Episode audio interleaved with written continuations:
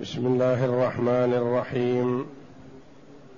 الحمد لله رب العالمين.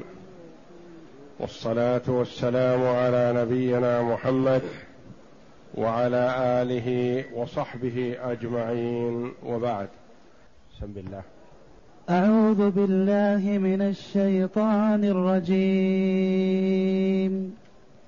إن المتقين في جنات وعيون آخذين ما آتاهم ربهم إنهم كانوا قبل ذلك محسنين كانوا قليلا من الليل ما يهجعون وبالأسحار هم يستغفرون وفي أموالهم حق للسائل والمحروم. هذه الآيات الكريمة من سورة الذاريات. جاءت بعد قوله جل وعلا قتل الخراصون الذين هم في غمرة ساهون. يسألون أيان يوم الدين. يوم هم على النار يفتنون.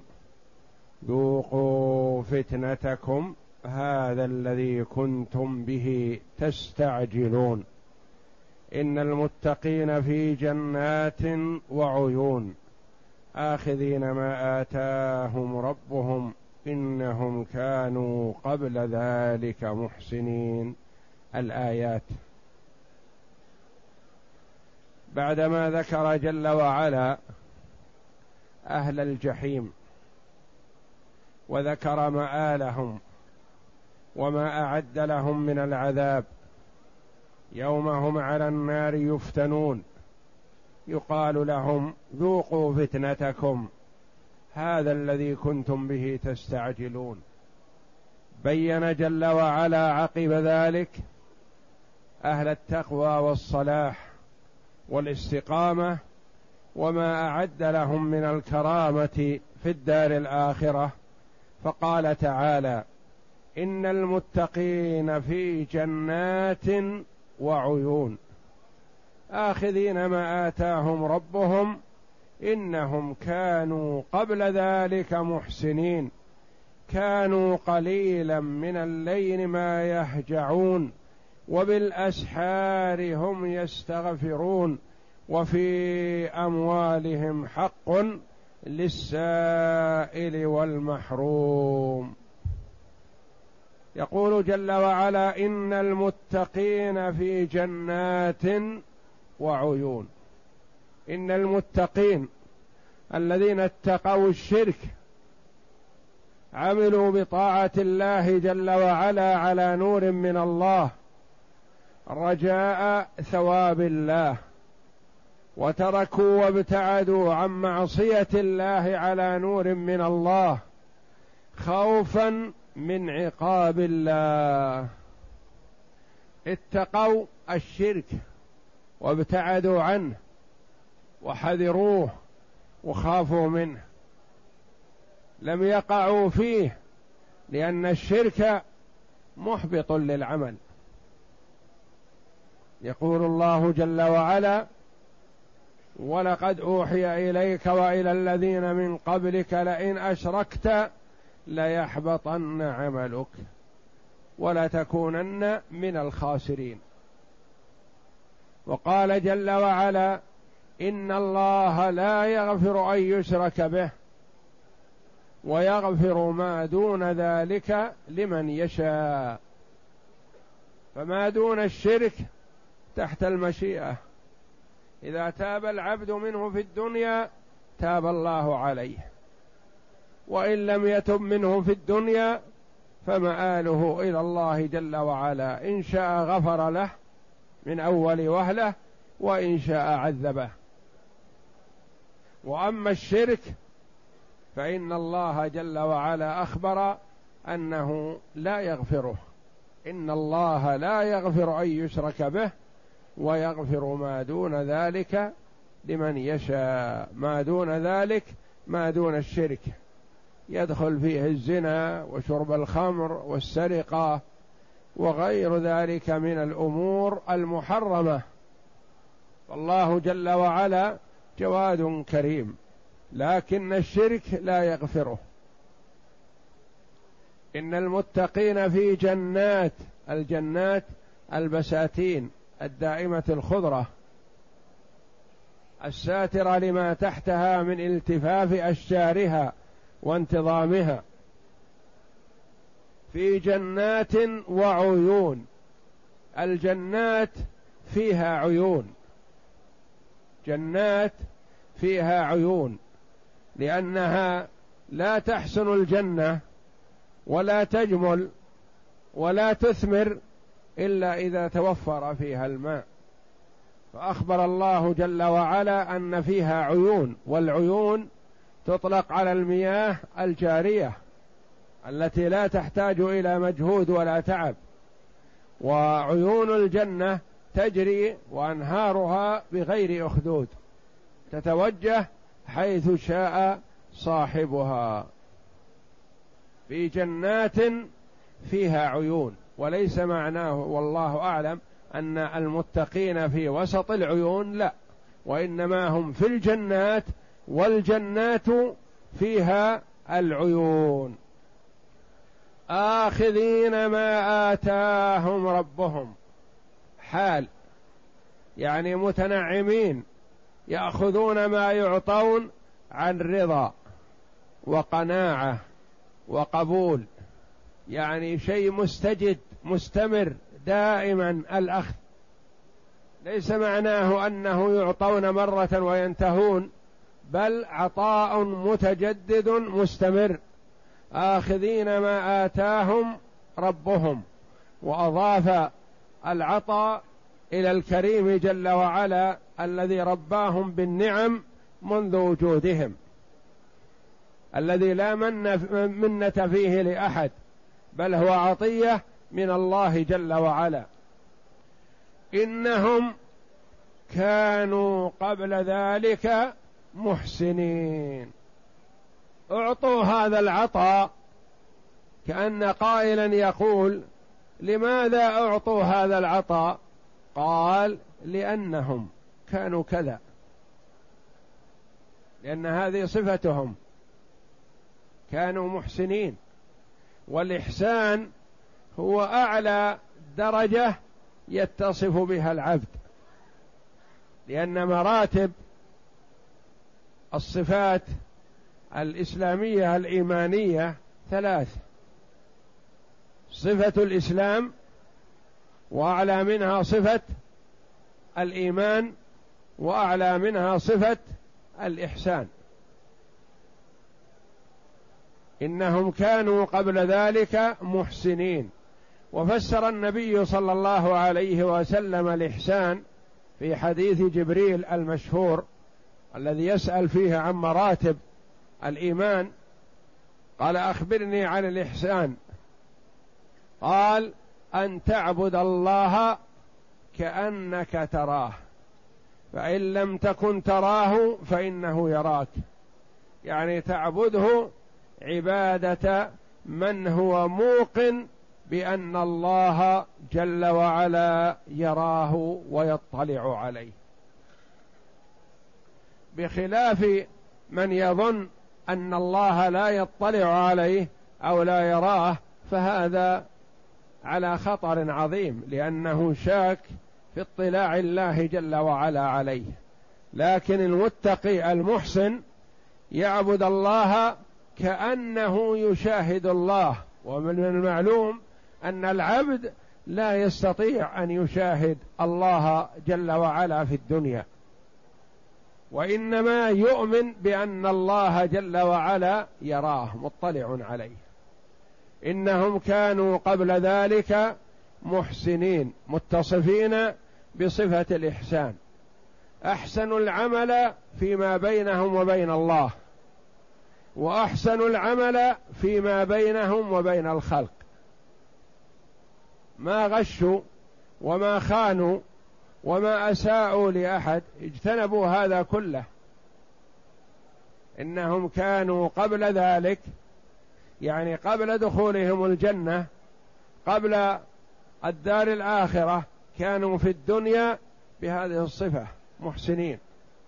فأعلى درجات الجنة لمن اتصف بهذه الصفات الحميدة.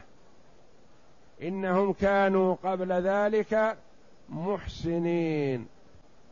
ثم فصل جل وعلا في صفاتهم فقال كانوا قليلا من الليل ما يهجعون.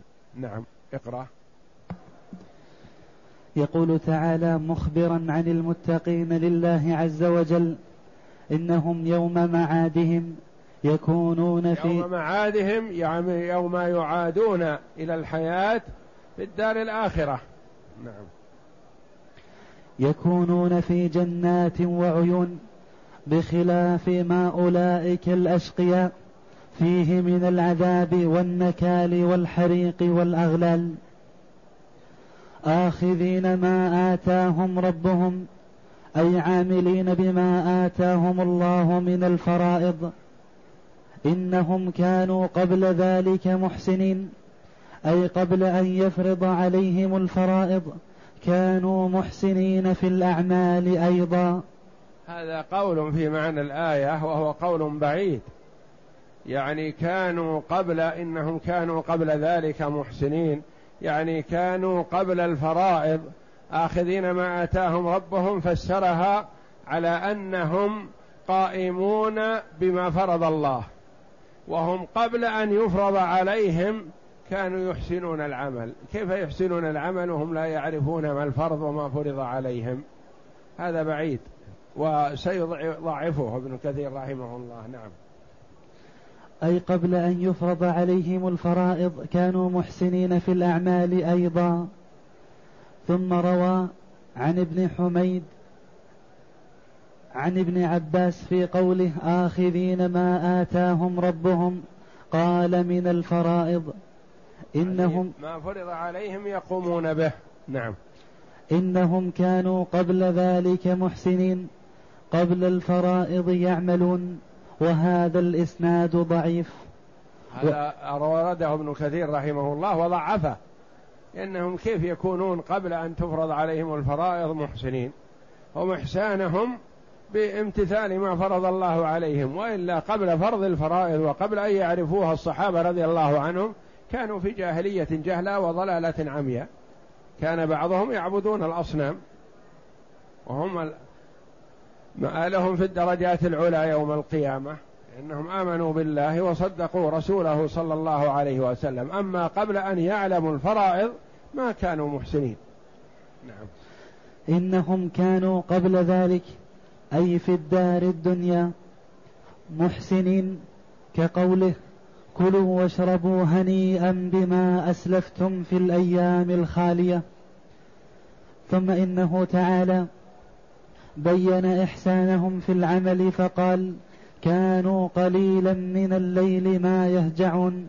كانوا قليلا من الليل ما يهجعون. إذا أخلد الناس إلى النوم والراحة والتلذذ هؤلاء يقومون يناجون الله جل وعلا ويسألونه ويستغفرونه ويتذللون بين يديه خاضعين ذليلين. كأن النار ما خلقت إلا لهم. كانوا قليلا من الليل ما يهجعون. الهجوع والهجعة النومة اليسيرة والهجوع النوم بالليل. ما يقال لمن نام نهارا هجع وإنما يقال هجع لمن نام ليلا. كانوا قليلا من الليل ما يهجعون. ثم كلمة ما هذه للعلماء رحمهم الله فيها أقوال. كانوا قليلا من الليل ما يهجعون. قال بعضهم هي مزيدة للتأكيد. كانوا قليلا من الليل يهجعون. يعني ينامون نوما قليلا وباقي الليل يقومون. لا ينامون إلا قليلا. كانوا قليلا من الليل يهجعون. ويصح أن تكون ما مصدرية يعني تسبك هي وما بعدها بمصدر. يهجعون ما يهجعون ما والفعل بعدها يهجعون. يسبكان بمصدر فيقال كانوا قليلا من الليل هجوعهم. هجع يهجع هجوعا مصدر. كانوا قليلا من الليل هجوعهم يعني كان نومهم قليل في الليل. ويصح أن تكون موصولة يعني اسم موصول بمعنى الذي كانوا قليلا من الليل ما يهجعون كانوا قليلا من الليل الذي يهجعون الذي ينامون. قليل من الليل الذي ينامون وإلا أكثر الليل يقومون. وهذه المعاني الثلاثة متقاربة سواء كانت زائدة مؤكدة أو مصدرية أو موصولة. يعني يفهم منها أنه قليل من الليل نومهم وأكثر الليل يناجون الله جل وعلا. قول آخر فيما أنها نافية. كانوا قليلا من الليل ما يهجعون ما يهجعون ما ينامون. يعني ما ينامون شيئا يسير. فمن باب أولى أن لا يناموا النوم الكثير. يعني النوم اليسير ما ينامونه. يسهرون الليل كله. وهذا أبعد من الاولي من الأولات. كانوا قليلا من الليل ما يهجعون. يعني ما يهجعون ولا شيء يسير من الليل. كل الليل يقومون. يقومون الليل. كانوا قليلا من الليل ما يهجعون. وهذا المعنى قلنا إنه بعيد لأن النبي صلى الله عليه وسلم عاب على من نذر وأخذ على نفسه الا ينام من الليل. قال لكني أقوم وأرقد. كما عاب على من أخذ على نفسه أن يصوم النهار دائما. قال أصوم وأفطر وأتزوج النساء. فقد عاب النبي صلى الله عليه وسلم على من أخذ على نفسه الا ينام بالليل. والنبي صلى الله عليه وسلم من سنته كان يقوم ويرقد. ينام ويقوم عليه الصلاة والسلام. ما كان يحيي الليل كله إلا في ليال مخصوصة كما ورد في ليالي العشر من رمضان. كان عليه الصلاة والسلام يشد المئزر ويحيي الليل ويوقظ أهله. وأما سائر أيام السنة فكان عليه الصلاة والسلام يصلي ويرقد. وفي بعض الليالي عليه الصلاة والسلام كان يحييه كما ورد أنه استأذن من عائشة رضي الله عنها أن يقوم لمناجاة ربه لما أوى إلى فراشه عليه الصلاة والسلام. استأذن منها لأن الليلة ليلتها فاستأذن منها في أن يقوم قيام الليل عليه الصلاة والسلام فقالت والله إني لا أحب قربك وأحب ما تحب يعني ما أمنعك ولا أحرمك مما تحب الذي هو قيام الليل. وما أذنت له رخصا فيه وإنما استجابة لرغبته عليه الصلاة والسلام. لكنه عليه الصلاة والسلام ما كان دائما يقوم الليل كله. كان يقوم ويرقد. فلذا ضعف هذا المعنى أن ما نافية يعني أنهم ما كانوا ينامون ولا شيء يسير من الليل. كانوا قليلا من الليل ما يهجعون. المعنى الأول أقرب والله أعلم.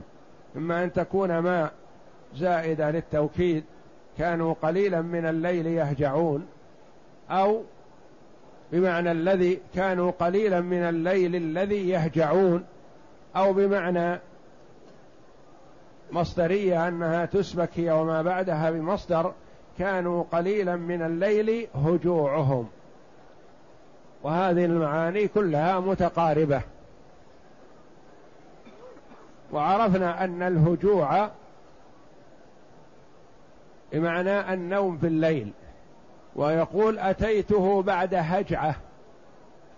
يعني أتيته بعدما نام نومة يسيرة أو بما بعدما نمت أنا نومة يسيرة ذهبت إليه.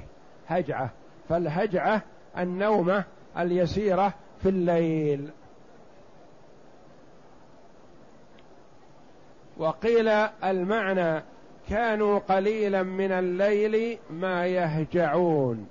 يعني ما يفوتون ليلة من الليالي ينامونها كلها إلا ويقومون فيها. وبالأسحار هم يستغفرون. مع هذا الجد والاجتهاد في قيام الليل والإحسان والصفات الحميدة كانوا يكثرون. ويكررون الاستغفار كأنهم أكثر الناس ذنوبا. ويتحرون الاستغفار وقت السحر لأنه أفضل وقت للاستغفار. فقد ورد أن أولاد يعقوب عليه الصلاة والسلام لما ندموا على ما فعلوا نحو يوسف وأخيه طلبوا من أبيهم أن يستغفر لهم. فاستجاب لهم على أن يستغفر لهم وأخر استغفاره لهم إلى وقت السحر لأنه أحرى. ووقت السحر هو وقت النزول الإلهي. النزول الذي يليق بالله جل وعلا وعظمته. لا نتصور أن النزول نزول ربنا إلى سماء الدنيا كما ورد في الحديث الصحيح كما نعقله بالنسبة للمخلوق تعالى الله. وإنما نؤمن بما جاء عن الله جل وعلا على مراد الله. ونؤمن بما جاء عن رسول الله صلى الله عليه وسلم على مراد رسول الله صلى الله عليه وسلم. ونصدق ونؤمن ونعتقد المعنى لكن لا نكيف ولا نمثل. فليس نزول ربنا جل وعلا كنزول المخلوق تعالى وتقدس. المخلوق إذا نزل من مكان إلى مكان خلا منه المكان الذي نزل منه وحل في المكان الذي نزل فيه. لكن الله جل وعلا منزه عن ذلك. وإنما يجب علينا الإيمان بما ورد عن النبي صلى الله عليه وسلم في هذا لأنه قال عليه الصلاة والسلام ينزل ربنا كل ليلة حين يبقى ثلث الليل الآخر فيقول هل من سائل هل من مستغفر هل من تائب. فهؤلاء مع جدهم مع جدهم وصلاحهم واستقامتهم وصلاتهم وسهرهم الليل في طاعة الله كانوا يستغفرون. كأنهم يستشعرون ويشعرون بالتقصير. وهكذا المخلص والتقي والمجتهد في العبادة مهما اجتهد فيعتقد أنه مقصر في حق الله جل وعلا. النبي صلى الله عليه وسلم قام حتى تفطرت قدماه من الليل وهو قد غفر الله له ما تقدم من ذنبه وما تأخر. ويقول سبحانك لا أحصي ثناء عليك أنت كما أثنيت على نفسك مهما أثنيت أنا فإني لا أح لا أحصي ولا أستطيع أن آتي بما تستحق من الثناء. والمؤمن كلما اجتهد في العبادة اجتهد في الاستغفار وازدراء واحتقار حق فعله وما فعل بالنسبة لحق الله جل وعلا أنه شيء يسير. ما يتبجح ويثني على نفسه بأنه فعل كذا وفعل كذا قام من الليل وصام من النهار وكذا وكذا. تجده يحتقر ويقلل من شأن عبادته ويشعر بالتقصير. يعبد الله ويستغفر. كانوا قليلا من الليل ما يهجعون وبالأسحار. والسحر قالوا هو سدس الليل الأخير.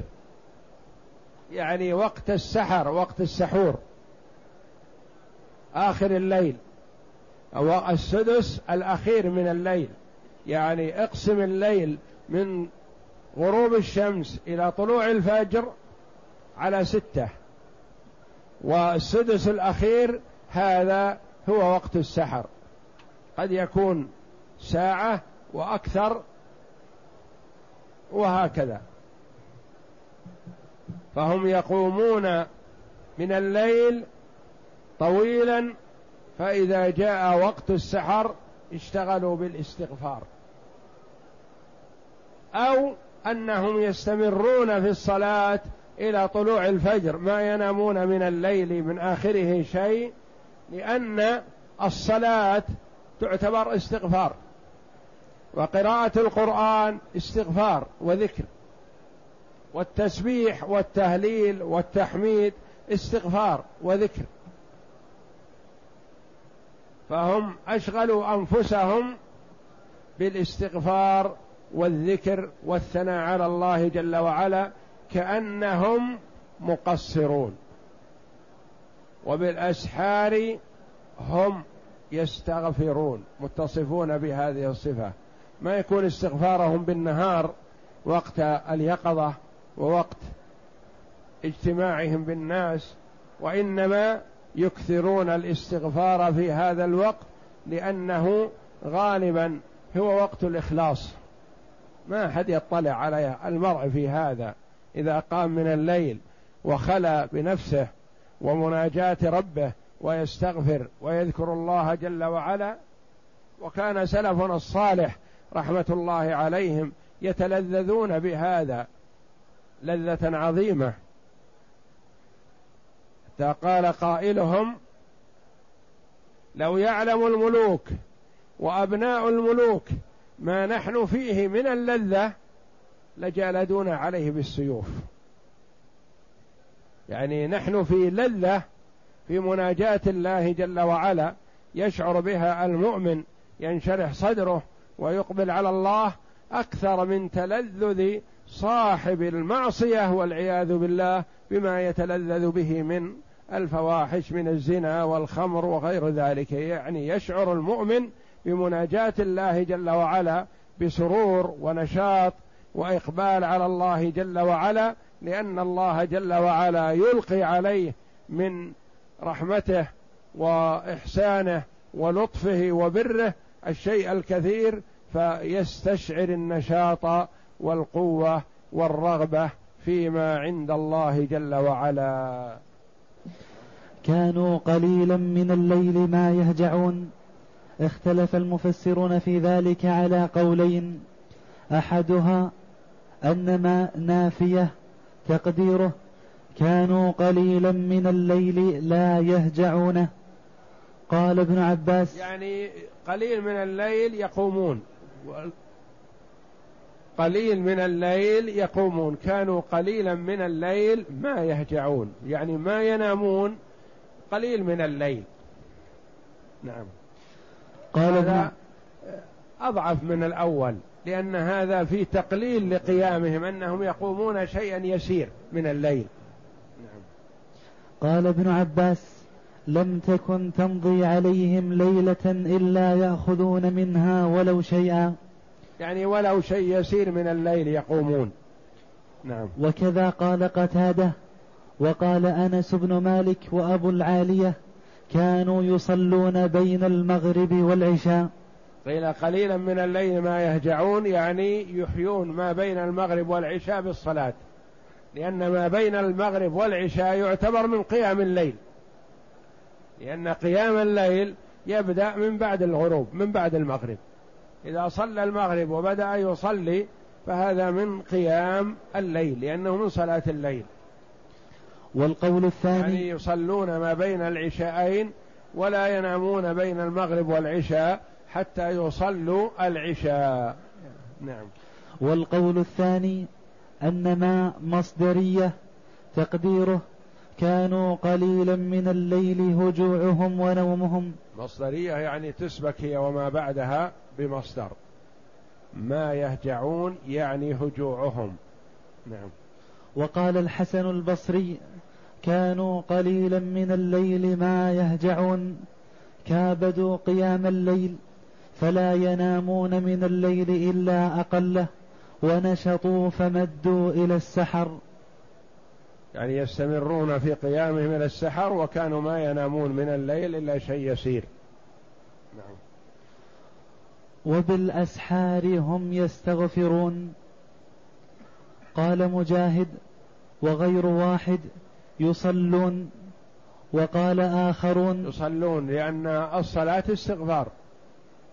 المرء إذا صلى يعتبر مستغفر وإذا قرأ القرآن يعتبر مستغفر. وإذا ذكر الله يعتبر مستغفر. نعم. وقال آخرون قاموا الليل وأخروا الاستغفار إلى الأسحار كما قال تعالى والمستغفرين بالأسحار. لأن الله جل وعلا أثنى على المستغفرين بالأسحار. فالمستغفر يستحق الثناء. والله جل وعلا أمر بالاستغفار.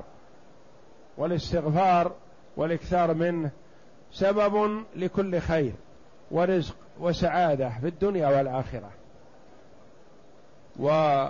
والمستغفرون يثنى عليهم والمستغفرون بالأسحار أخص وأفضل. والاستغفار سبب لكل خير كما قال الله جل وعلا في سورة نوح عليه الصلاة والسلام أنه قال لقومه فقلت استغفروا ربكم إنه كان غفارا. يرسل السماء عليكم مدرارا ويمددكم بأموال وبنين ويجعل لكم جنات ويجعل لكم أنهارا. يروى أن أحد السلف جاءه شخص فشكى حاله وفقره فقال أكثر الاستغفار يرزقك الله. فقام من عنده. ثم جاء آخر يشكو قلة الولد زوجته ما تحمل ما أنجب. فقال أكثر من الاستغفار. فقام من عنده. فجاء آخر يشكو إليه غور ماء العيون. قال كان لنا عيون فغار ماؤها. قل فقال أكثر الاستغفار. يعود إليك الماء. جاء آخر يشكو إليه قلة ثمر بستانه ونتاجه. ويبوسه وذبوله. فقال له أكثر الاستغفار. جاء آخر يذكر له أن كأنهم كانوا يسقون من نهر وأن النهر قل ماؤه وصار يشق عليهم الأخذ من النهر هذا. فقال له أكثر الاستغفار. وعنده آخر. فقال له يرحمك الله.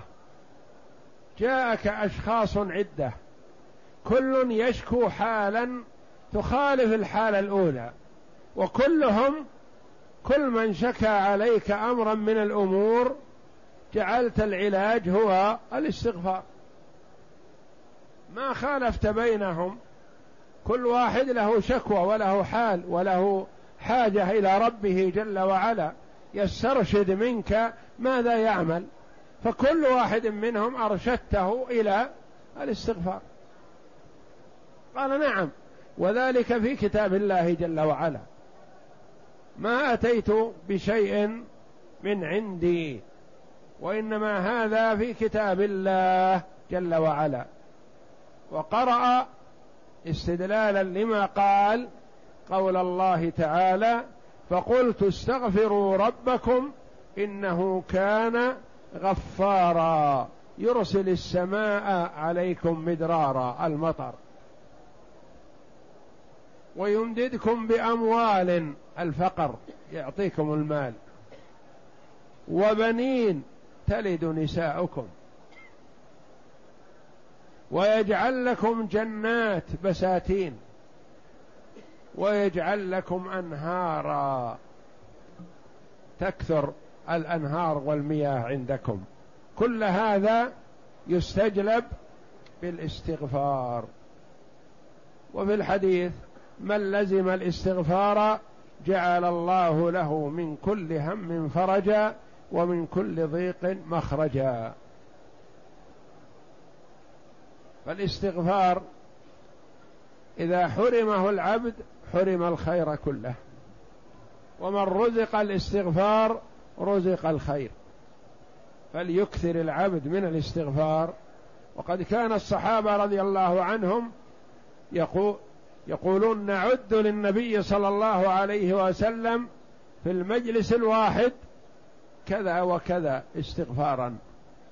ويقول عليه الصلاة والسلام إني لأستغفر الله وأتوب إليه في اليوم أكثر من سبعين مرة. وفي حديث آخر أستغفر الله وأتوب إليه في اليوم مئة مرة. فالله جل وعلا أثنى على المستغفرين والمستغفرون بالأسحار أفضل. يعني الذين يتحرون القيام آخر الليل للصلاة والدعاء والاستغفار والذكر. لله جل وعلا. فإن كان الاستغفار في صلاة فهو أحسن وقد ثبت في الصحاح وغيرها عن جماعة من الصحابة عن رسول الله صلى الله عليه وسلم أنه قال إن الله ينزل كل ليلة إلى سماء الدون إلى سماء الدنيا حين يبقى ثلث الليل الأخير. فيقول هل من تائب فأتوب عليه هل من مستغفر فأغفر له؟ هل من سائل فأعطيه سؤله حتى يطلع الفجر؟ هذا حديث صحيح ويجب الإيمان به ولا يجوز التكييف ولا التمثيل ولا التشبيه وإنما الإيمان به على ما جاء عن الله على مراد الله وعلى ما جاء عن رسول الله على مراد رسول الله. وقال كثير من المفسرين في قوله تعالى إخبارا عن يعقوب أنه قال لبنيه سوف أستغفر لكم ربي. قالوا أخرهم إلى وقت السحر. أخر استغفاره وقت السحر لأنه أحرى للإجابة. فالمذنب إذا قام وقت السحر واستغفر وتاب وأناب إلى الله حري أن يغفر له. وفي أموالهم حق للسائل والمحروم. وفي أموالهم ما رزقهم الله جل وعلا وما أعطاهم. حق يعني جعلوا في أموالهم حقوقا للآخرين.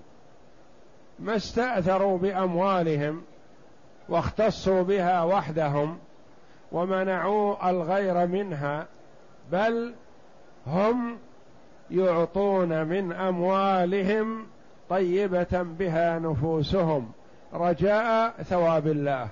وفي أموالهم حق للسائل والمحروم وفي سأل سائل وفي أموالهم حق معلوم للسائل والمحروم. في الآية الأخرى معلوم وفي هذه الآية حق للسائل والمحروم. السائل نعم هو الذي يسأل الناس. وقد قال النبي صلى الله عليه وسلم للسائل حق وإن جاء على فرس. والنبي صلى الله عليه وسلم ما كان يرد سائلا. فالسائل ما ينبغي له أن يسأل إلا من حاجة. والمسؤول ما ينبغي له أن يرد. فإن كان غير مقتنع من سؤال السائل مثلا فليعطي ولو شيئا يسيرا. هذا أفضل. لأن بعض الناس يقول مثلا أنا لست بواثق من حاجته فأنا ما أعطيه. نقول هو السائل يحرم عليه أن يسأل من غير حاجة ملحة. والمسؤول ما ينبغي له أن يمنع. يعطي حتى وإن لم يكن مقتنع. ولو شيئا يسيرا. لأن النبي صلى الله عليه وسلم لما جاءه شخصان يسألان وهو يقسم الصدقة عليه الصلاة والسلام صوب نظره فيهما فرآهما أقوياء أشداء وما منعهم عليه الصلاة والسلام لقوتهم.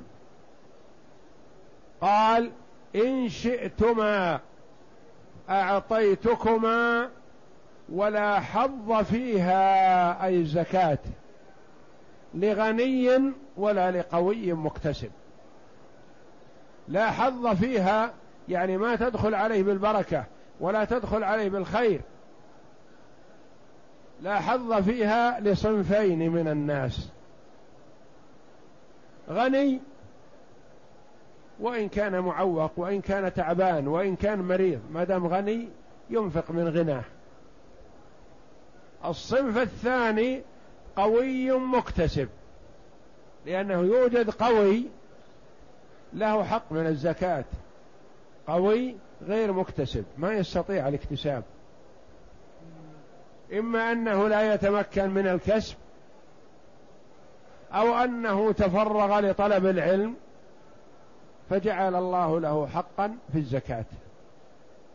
فالنبي صلى الله عليه وسلم نظر إليهما وإلى قوتهم ما حرمهم وإنما فوض الأمر إليهما. قال إن شئتما أعطيتكما. واعلما أنه لا حظ لا بركة ولا نصيب لإثنين من الناس في الزكاة. الغني الذي عنده غنى يغنيه. بعض الناس مثلا يقول هذا يتيم له حق في الزكاة. يقول لا يا أخي ما كل يتيم له حظ في الزكاة. قد يكون اليتيم أغنى من كثير من الأقوياء الأشداء. فاليتم ليس مبرر للعطاء لأن اليتيم قد يكون له مال. وإنما الذي لا يعطى هو الغني ولا يجوز له أن يأخذ. الصنف الثاني القوي المكتسب لا يعطى. يعني ما ينبغي له أن يسأل. قوي مكتسب. أما قوي غير مكتسب فله حظ في الزكاة. لأن القوي نوعان. قوي يستطيع الكسب لكنه ما يريد أن يكتسب. يريد أن يسأل. نقول لا حظ له في الزكاة هذا. إذا ترك الكسب مع القدرة عليه لأنه رأى أن السؤال أسهل. فهذا لا يجوز له بل يحرم عليه. قوي غير مكتسب يستطيع أن يعمل يعني قوي عنده قدرة على العمل لكنه ما يستطيع أن يعمل لسبب من الأسباب. إما أنه لا يتمكن من العمل وإما لأنه تفرغ لطلب العلم فيعطى من الزكاة لأنه غير مكتسب. وفي أموالهم حق للسائل والمحروم. وهذا الحق غير الزكاة الواجبة. حق تطوع للسائل الذي يسأل الناس. عن فاقة وحاجة وفقر يعطى. والمحروم للعلماء رحمهم الله فيه أقوال كثيرة.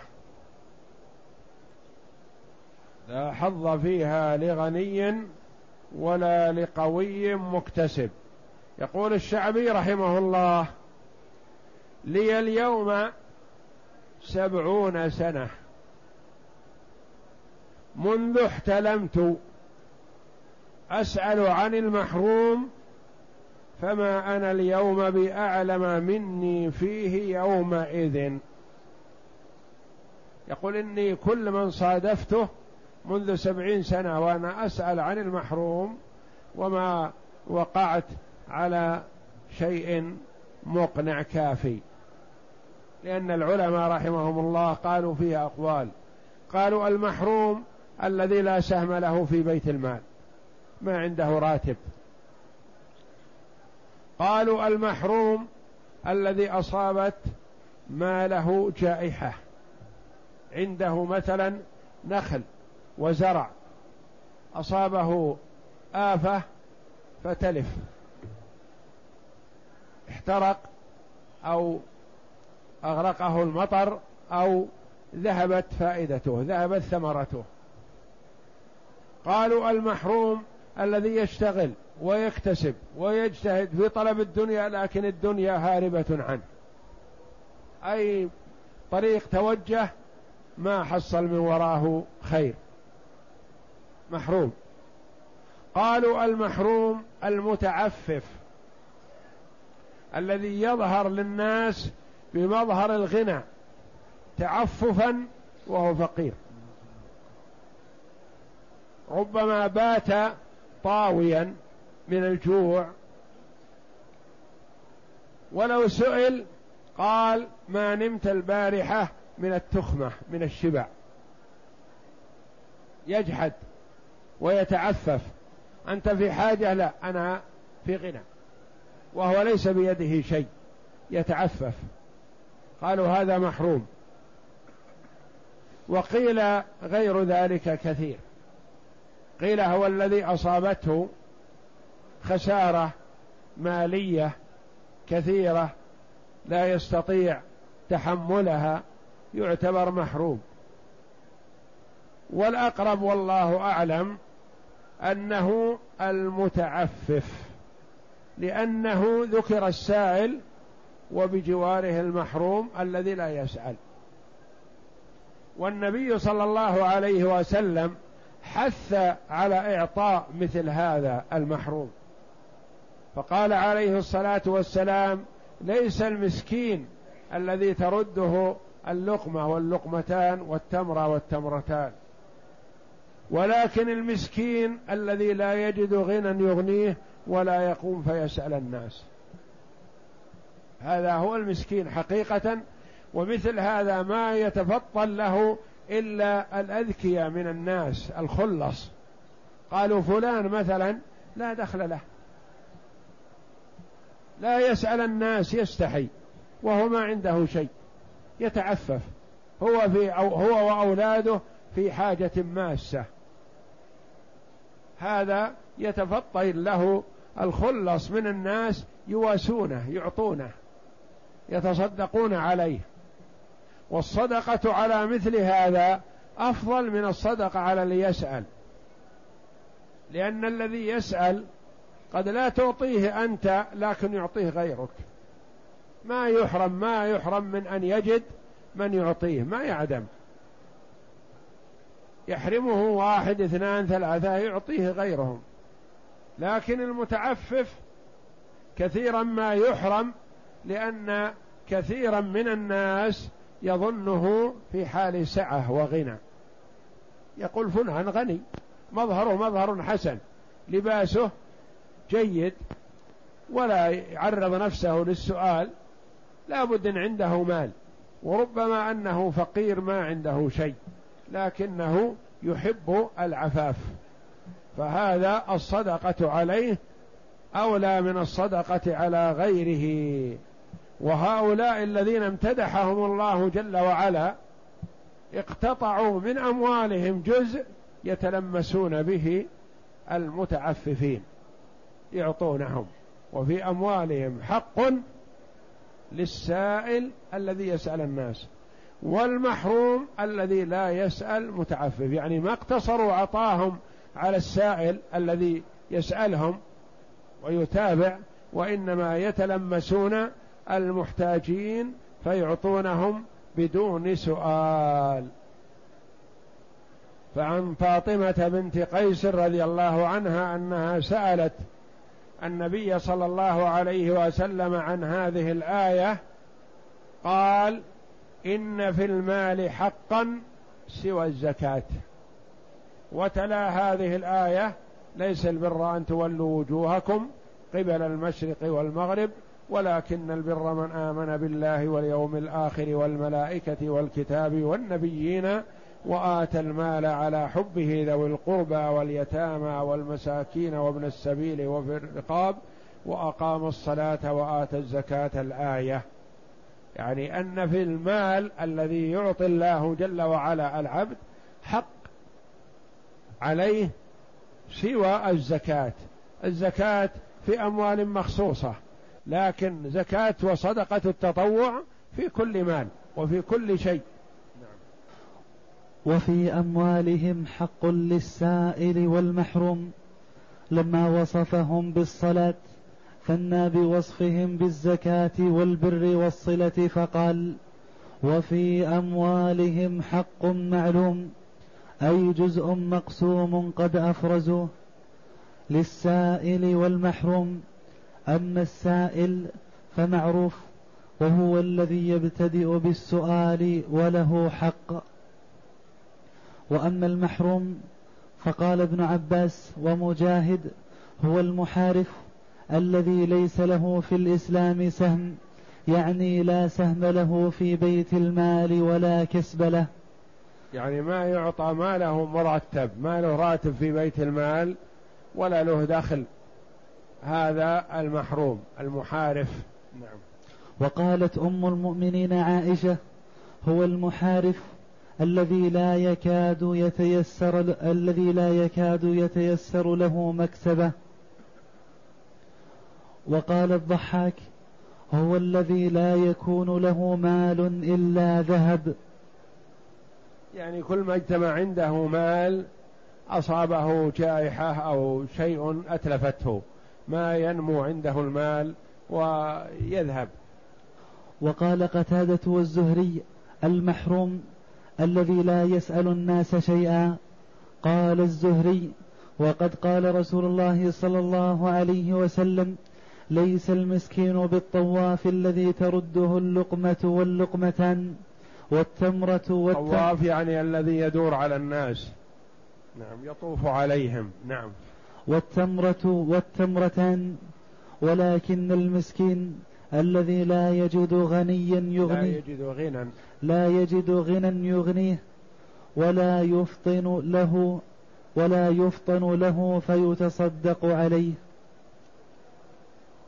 والله أعلم وصلى الله وسلم وبارك على عبد ورسول نبينا محمد وعلى آله وصحبه أجمعين.